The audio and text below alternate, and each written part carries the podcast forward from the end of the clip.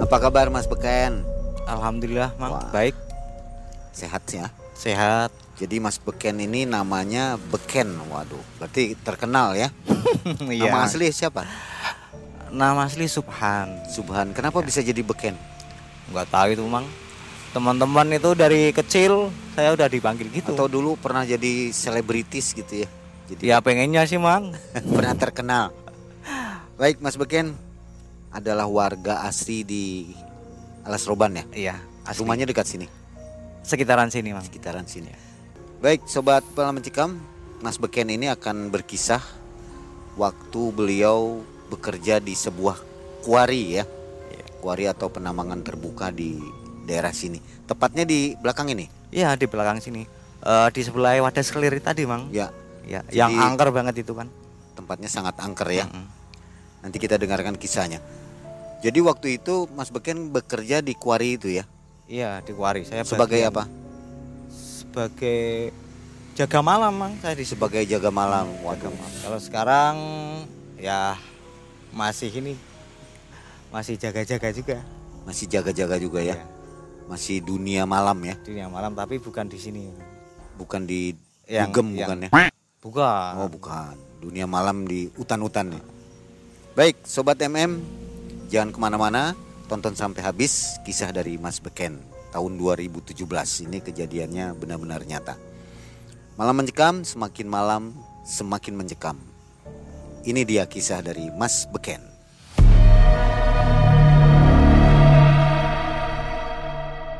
Jadi gini mang ceritanya eh, itu yang saya alamin sendiri.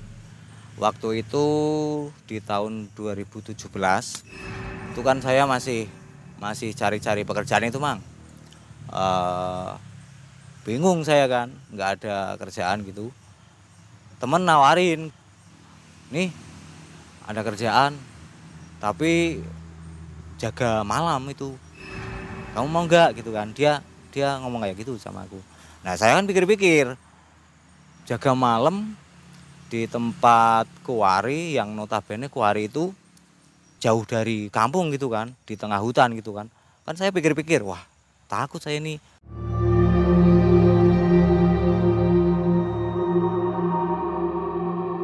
Tapi ya akhirnya saya ambil juga mang. Itu kan daripada saya kerja, ya kan, mending saya ambil itu. Ya udah saya ambil. Jaga malam ya? Ah, jaga malam itu mang jaga malam kita berangkat eh, sebelum maghrib itu biasanya kita berangkat sebelum maghrib akhirnya ya ya langsung aja ini besok kamu berangkat gitu kan. Teman saya ngomong kayak gitu. Oh ya oke wes saya berangkat. Besoknya saya berangkat itu. Tapi dalam hati saya juga tanya-tanya itu waduh saya berani apa enggak ini ya? Malam malam malam di di di hutan di tengah hutan gitu kan mang. Akhirnya saya berangkat saya mantep-mantep itu mang. Yang penting saya kerja gitu kan. Udah saya berangkat habis maghrib itu kan yang teman-teman yang kerja itu kan udah pada pulang itu maghrib. Udah pulang saya sendiri itu malam pertama itu mang malam malam saya eh, masuk kerja itu kan. Saya toles kanan toleh kiri gitu kan. Merinding juga saya itu di tempat se- sesudah portal. Itu kan ada pos. Nah itu saya di situ saya nongkrong di situ. Sendirian petugas malamnya. itu sendiri mang saya Jadi Mas Beken sendirian, nggak ada Ah, partner sendiri saya sendiri. Kan itu sih yang yang satu siang yang satu malam gitu. Nanti kan giliran gitu mang nah itu pas kebagian saya masuk pertama itu pas malam itu nah itu kan perasaan saya kan nggak nggak enak juga kan nggak karuan itu pas habis maghrib tuh kok sepi di tengah hutan gitu kan.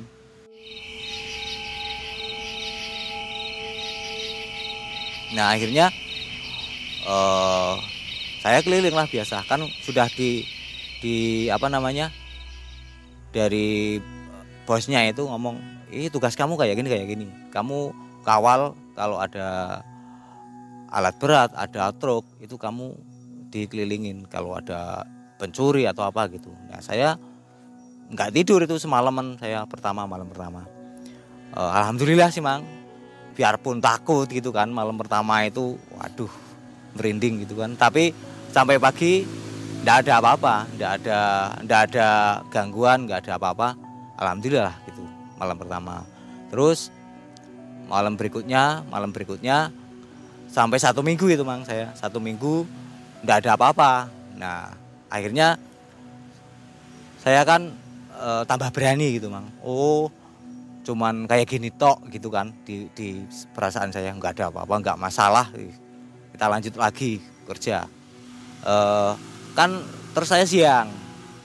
Siang kalau siang kan saya cuman e, itu pagi buka portal gitu aja. Itu tok nah tiba-tiba si eksavator itu mogok itu mang. Mogok saya kan nggak nggak ikut-ikut ikut-ikut ke situ. Saya cuma ngeliatin doang gitu kan. Mogok udah di apa namanya e, bengkelnya montirnya itu sudah dibenerin tapi nggak apa-apa nggak nggak ngaruh gitu masih tetap mogok aja gitu. Akhirnya kan pada nyerah padahal sudah diganti mesin baru apa onderdil baru gitu kan. Masih aja tetap dia mogok gitu. Ternyata setelah e, beberapa waktu kan itu mogok berapa jam e, sorenya gitu ular dari dari dalam eksa itu mang.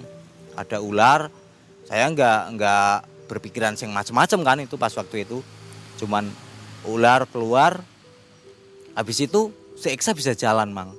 Nah itu saya kepikiran. Setelah itu setelah setelah ularnya itu keluar itu saya mikir wah apa benar uh, gara-gara si ular itu si Eksa jadi mogok gitu kan. Saya mikir itu. Ularnya sepanjang apa mas? Ularnya dua meteran lah gitu mang. Dua meter. diameternya?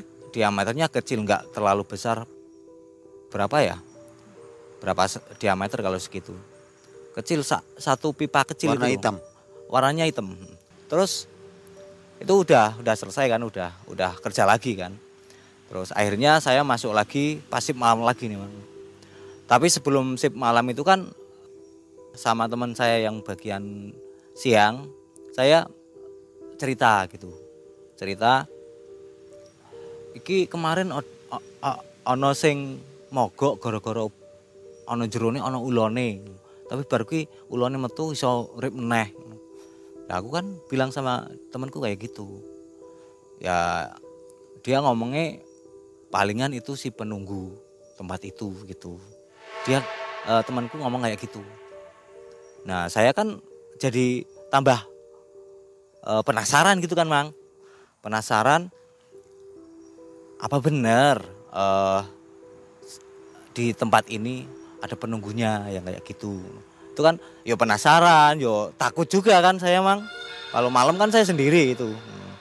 Nah selang beberapa waktu beberapa minggu ya alhamdulillah mang e, saya nggak nggak nggak ada kejadian terus nggak ada nggak ada apalah istilahnya sesuatu yang membuat tambah takut itu belum ada. Alhamdulillah sih mang tapi beberapa bulan itu ada sesuatu yang membuat saya penasaran juga mang. Itu kan pas e, waktu saya keliling itu pas saya malam itu tiba-tiba dari parkiran truk itu ada yang nyala lampunya itu mang. Tak tak tak obor kan tak center gitu tak center nggak ada orang tapi kok nyala gitu. Nah saya samperin. Itu nggak ada gitu. Saya samperin kan dia lampunya mati gitu. Itu saya kaget ya takut. Tapi saya berani gimana lagi mang? Saya kerjain di situ kan. Langsung tak tinggal lagi saya keliling lagi tuh mang muter-muter. Terus keesokan harinya malam harinya berikutnya sama seperti itu mang.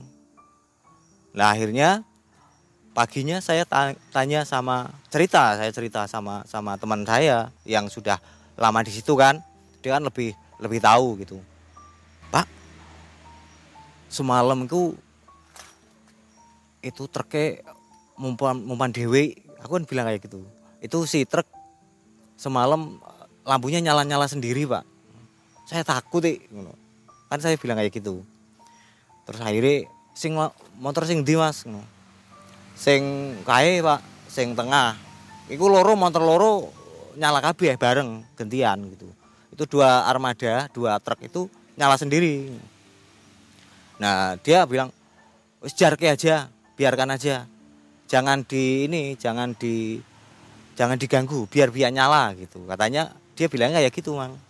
Esok malamnya ada teman-teman yang dari bengkel itu bengkel luar itu kan dia ngerjain ngerjain apa namanya mesin rusak gitu. Dia garap sampai malam itu dia di lembur.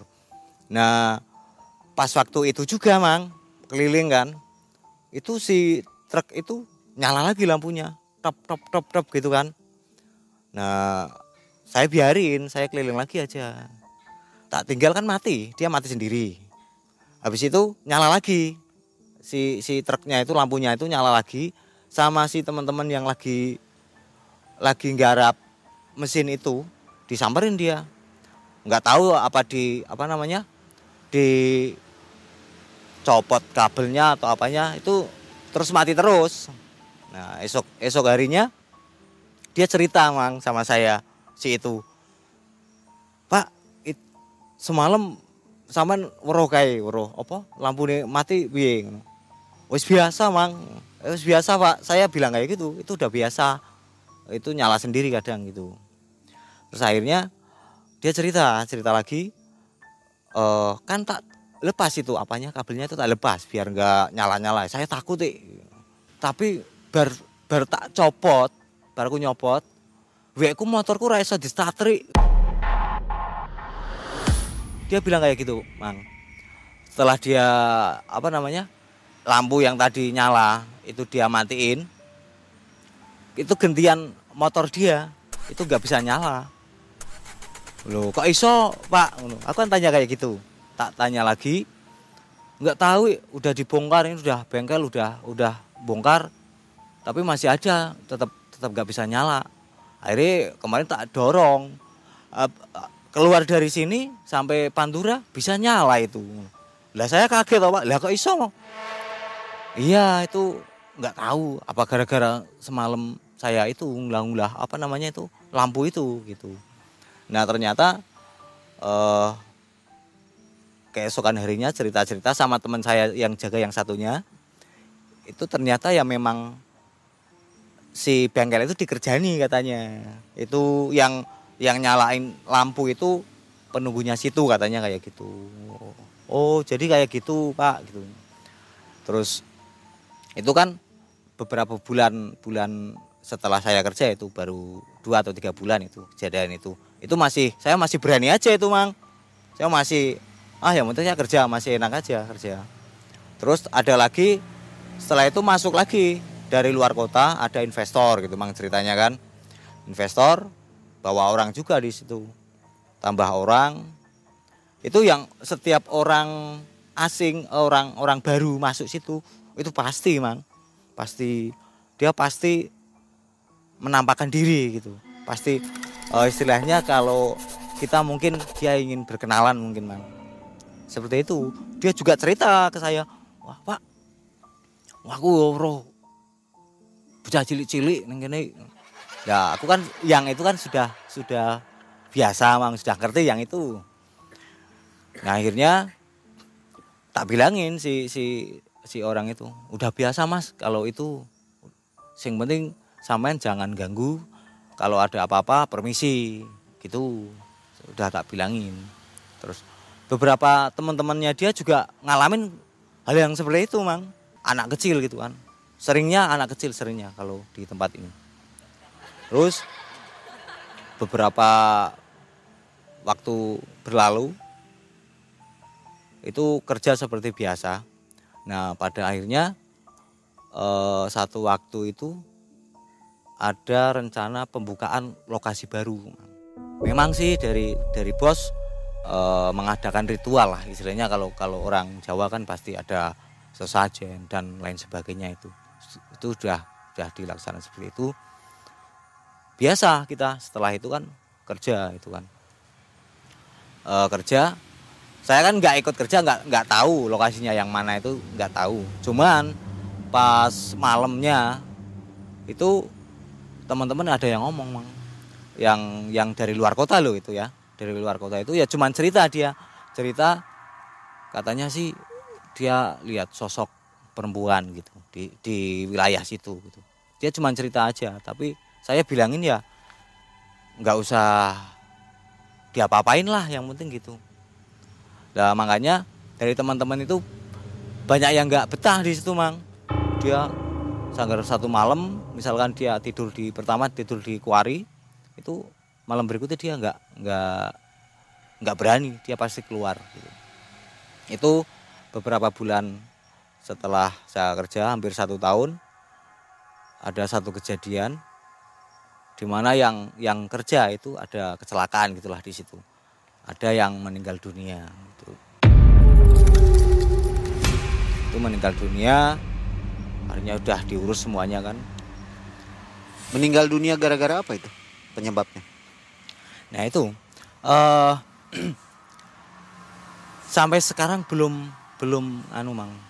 Apakah yang meninggal dunia itu karena hal mistis hal yang gaib atau apa sampai sekarang belum belum ada yang bisa jawab gitu mang. Saya cari tahu juga takut sendirilah nantinya. Kalau kalau karena saya tahu tempat ini memang angker banget gitu. Dari kejadian kejadian kejadian itu belum ada penampakan yang yang menurut saya itu sangat sangat apa namanya membuat saya takut belum belum ada. Saya pas lagi duduk ini kan saya ngerokok duduk sambil ngopi itu kan di pos e, sebelah portal itu kan bawahnya itu e, sungai kecil gitu. depannya pos itu sungai kecil. Itu ada batu ada agak besar lah tapi kelihatan dari itu batunya. Saya biasa ngerokok aja mang ngerokok. Ya nggak nggak ini nggak apa namanya nggak nggak ada rasa nggak ada hawa. Kalau ada sesuatu itu saya belum belum belum merasakan itu. Cuman ketika saya biasa sambil mikir situ mikir situ, saya uh, lampu senter saya obor sana obor sini kan. Lah pas waktu saya ke apa batu itu di atas sungai itu kan. So aku kaget itu mang pas waktu itu. Ada putih-putih itu kan tak center itu kok kayak orang duduk gitu mang. Di batu itu. Orang duduk center rambutnya panjang gitu kan. Saya merinding. Merinding ini juga merinding saya mang. Ternyata tak center ini dia sosok wanita menurut saya sih wanita. Rambutnya panjang dia pakai baju terusan gini putih. Itu menghadap ke belakang saya. Dia madepnya ke arah sungai yang aliran air itu kan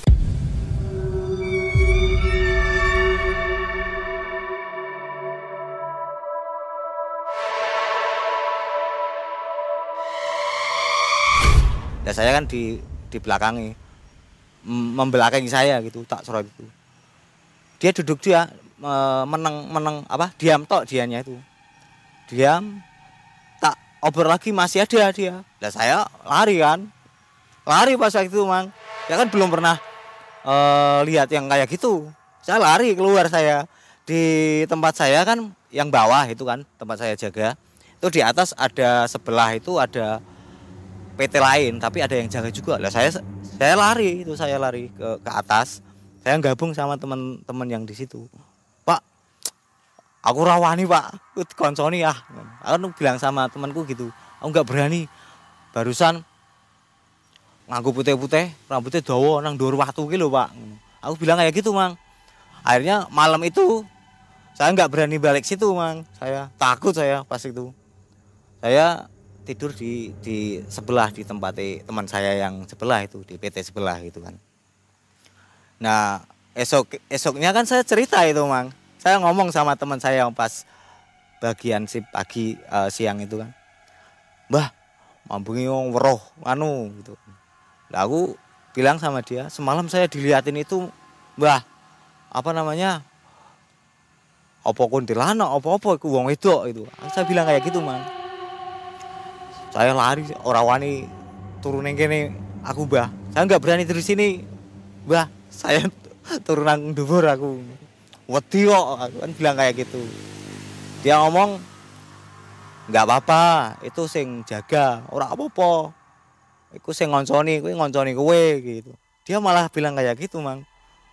Dia malah bilang nggak apa-apa itu nanti malah buat teman kamu. Lah saya tambah takut oh mosok temen kok sosok kayak gitu? Serem kan gitu. Akhirnya malam itu kan harusnya saya seminggu kan. Lah akhirnya saya uh, minta sama teman saya aku bagian awan aku minta siang gitu mang. Takutan saya waktu itu. Lah aku kan minta siang terus. Tapi kan tak pikir lagi aku nggak enak masuk aku siang terus. Saya masuk malam lagi. Ya saya beraniin beraniin saya berani malam pas malam lagi alhamdulillah nggak ada apa-apa mang. Biasa saya keliling itu saya center saya batu itu saya yang tadinya itu ada makhluk. Itu tak center lagi. Nggak ada. Itu sekarang kalau saya uh, apa namanya uh, keliling itu pasti yang paling pertama yang itu. Yang paling pertama yang batu itu tak center itu kira-kira ada orang apa tidak gitu mang nggak ada. Terus saya keliling lagi. Biasa sampai sampai seminggu sampai saya siang lagi terus malam lagi. Terus e, beberapa waktu itu 2017 2018 pas lagi keliling kan saya keliling itu kalau orang Jawa kan wayang itu mang. Itu kayak wayang. Kan mikir wah sing wayang kan ngendi ya aku? Kan. Saya nggak kepikir kepikir macam-macam itu mang ada suara gamelan itu kan. Sayup-sayup tapi semakin malam itu semakin keras semakin keras gitu. Saya nggak kepikir ke mana-mana. Terus esoknya saya cerita lagi sama si teman saya itu. Dia kan sudah lama di situ. Saya cerita saya bilang saya tanya apa ada orang hajatan mbah? Kok semalam ono ada suara wayang gitu. Dia jawabnya nggak ada. Nek uh, suara wayang itu ya biasa kui sebelah. Dia malah bilang kayak gitu mang. Ya tapi kan uh, aku ceritanya kan pas pas siang. Jadi nggak begitu merinding gitu kan. Nah setelah aku diceritain dia bahwa biasanya kalau malam Jumat suara gamelan itu biasanya muncul gitu Nah aku pas malam Jumat juga aku pikir-pikir ini uh, apa namanya merinding juga gitu kan. Ini jangan-jangan kok muncul lagi suara nih suara ini muncul. Tapi beberapa kali memang ya ada suara gamelan itu uh, satu tahun lah 2018 itu kejadian satu malam ketika saya masih keliling itu. Sekeliling nggak ada apa-apa sih. Keliling pertama itu kan beberapa beberapa kali saya keliling. Itu nggak nemuin apa-apa. Terus akhirnya sekitar jam setengah dua kalau nggak salah itu mang. Setengah dua di sebelah mesin apa namanya giling itu mesin giling batu itu. Hitam-hitam itu ya tak kira itu bayangan dari apa? Tiang loh bayangan tiang mesin itu penyangga itu kan gede itu. Tak kira bayangan itu saya lewat aja gitu kan.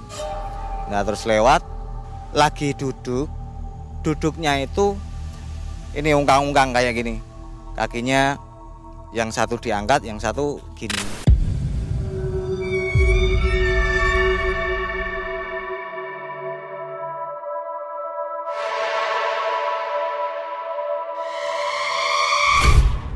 itu gede sosok gede. Rambutnya panjang itu. Rambutnya panjang uh, ikal bukan gimbal tapi ikal. Rambutnya panjang. Lah itu saya lari. Itu kaget kan saya lari itu mang. Tapi saya nggak keluar. Saya lari uh, nyingkir di tempat lain aja gitu kan. Saya mau ke sana ambil kopi. Takut. Ya diem aja di situ sambil ngerokokan diem. Sampai pagi saya di situ mang.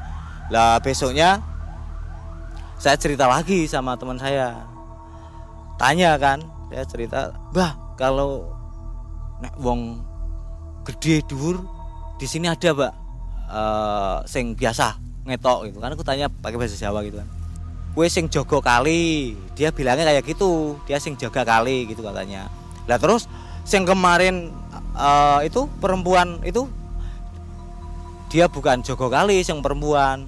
Perempuan itu di atas. Itu kalau di sana dia paling main tok gitu. katanya seperti itu. Wes yang penting kamu jangan takut jangan lari. Itu wes wes mampu awakmu gitu. Katanya dia gitu.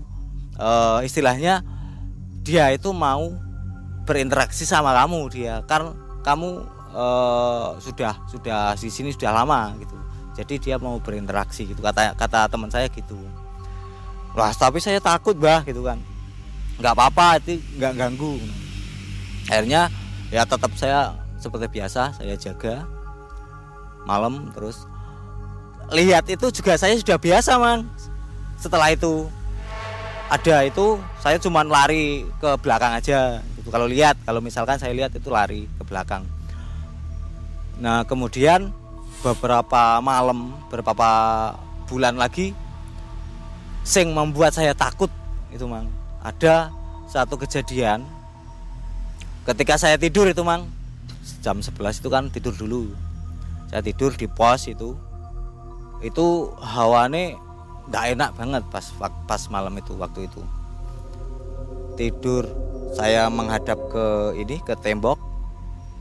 Saya menghadap miring menghadap ke tembok. Itu perasaan kok sempit sempit gitu. Maksudnya kayak ada yang apa dorong gitu kan. Sempit sempit. Tambah apa namanya kalau satu orang kan lega banget itu tempatnya. Tapi kak kayak iki oyone sing ngesuk ngesuk ngesuk gitu. Terus saya masih biasa aja masih tidur mang waktu itu. Saya masih tidur. Terus setelah itu ngesok lagi dianya gitu kan. Nah akhirnya saya bangun saya bangun kaget mang saya mang pas waktu itu. Lawang apa saya bangun ini kepalanya itu kan rambutnya panjang itu kan masih gebak-gebak itu nggak ada pakaiannya cuman hitam-hitam gini. Ini nggak ada nggak pakai baju. Itu orangnya ireng ada bulu nih ya ada bulu dia. Saya lari. Pas waktu malam itu saya lari saya ke atas lagi ke atas teman saya. Wes aku apa gak aku wes ora ora wani aku. Aku bilang kayak gitu sama temanku. Lah ada apa? Lah mosok aku tur dikeloni karo wong irengi oh bilang kayak gitu? Ih wis ora usah wedi kowe kok wedi? Dia bilangnya uh, cuman kayak gitu temanku. Bilang bilang kayak gitu toh nah tapi emang uh, siapa sih nggak takut sih? Wong saya bangun moro-moro di samping saya itu yang ngesol ternyata itu makhluk gede hitam itu yang ada bulunya itu. Itu saya lihat kalau kita kan biasa segini gedenya ya. Maksudnya biasa umum lah kalau orang orang e, gemuk juga biasa. Itu nggak terlalu gede banget juga nggak kayak orang gemuk bukan. Tapi dari dari yang orang gemuk itu lebih gede lagi. Itu bulu banyak bulu gitu. Lah sama mencelat wah aku saya pas lah dari itu mang. Saya kan langsung cerita di rumah kan cerita sama teman di rumah itu. Nah awal-awal saya nggak nggak cerita. Nah ini saya cerita yang gede makhluk gede itu. Saya cerita sama teman saya yang yang katakanlah dia ustadz gitu kan. Saya cerita. Tat wah aku kerja kemarin malam gini tat. Dikeloni sama gendruwo kalau menurut saya itu tat. Wong gede dhuwur moro-moro ngesok-ngesok terus. Udah dia cerita di lokasi sini kan lokasi yang saya tempat kerja itu semacam kerajaan. Nah tak sambung lagi itu mang. Tak sambung. Oh ya berarti ketika saya mendengar gamelan itu berarti ya bener itu tat. Dia nyambung juga si ustadz itu. Ya memang itu si si apa di tempat itu di wadah clear khususnya itu memang kalau malam Jumat dia cerita si Ustadz itu ada gamelan bunyi. Itu kenapa akhirnya disebut wadas kelir itu ternyata ya memang itu wadas kelir kan kelir itu biasanya orang Jawa kalau wayangan itu yang itu yang kerucut itu kan gunungan itu. Itu orang Jawa kelir seperti itu. Nah itu berarti tempat itu memang memang apa namanya angker angker gitu. Itu si ustadznya bilang kayak gitu.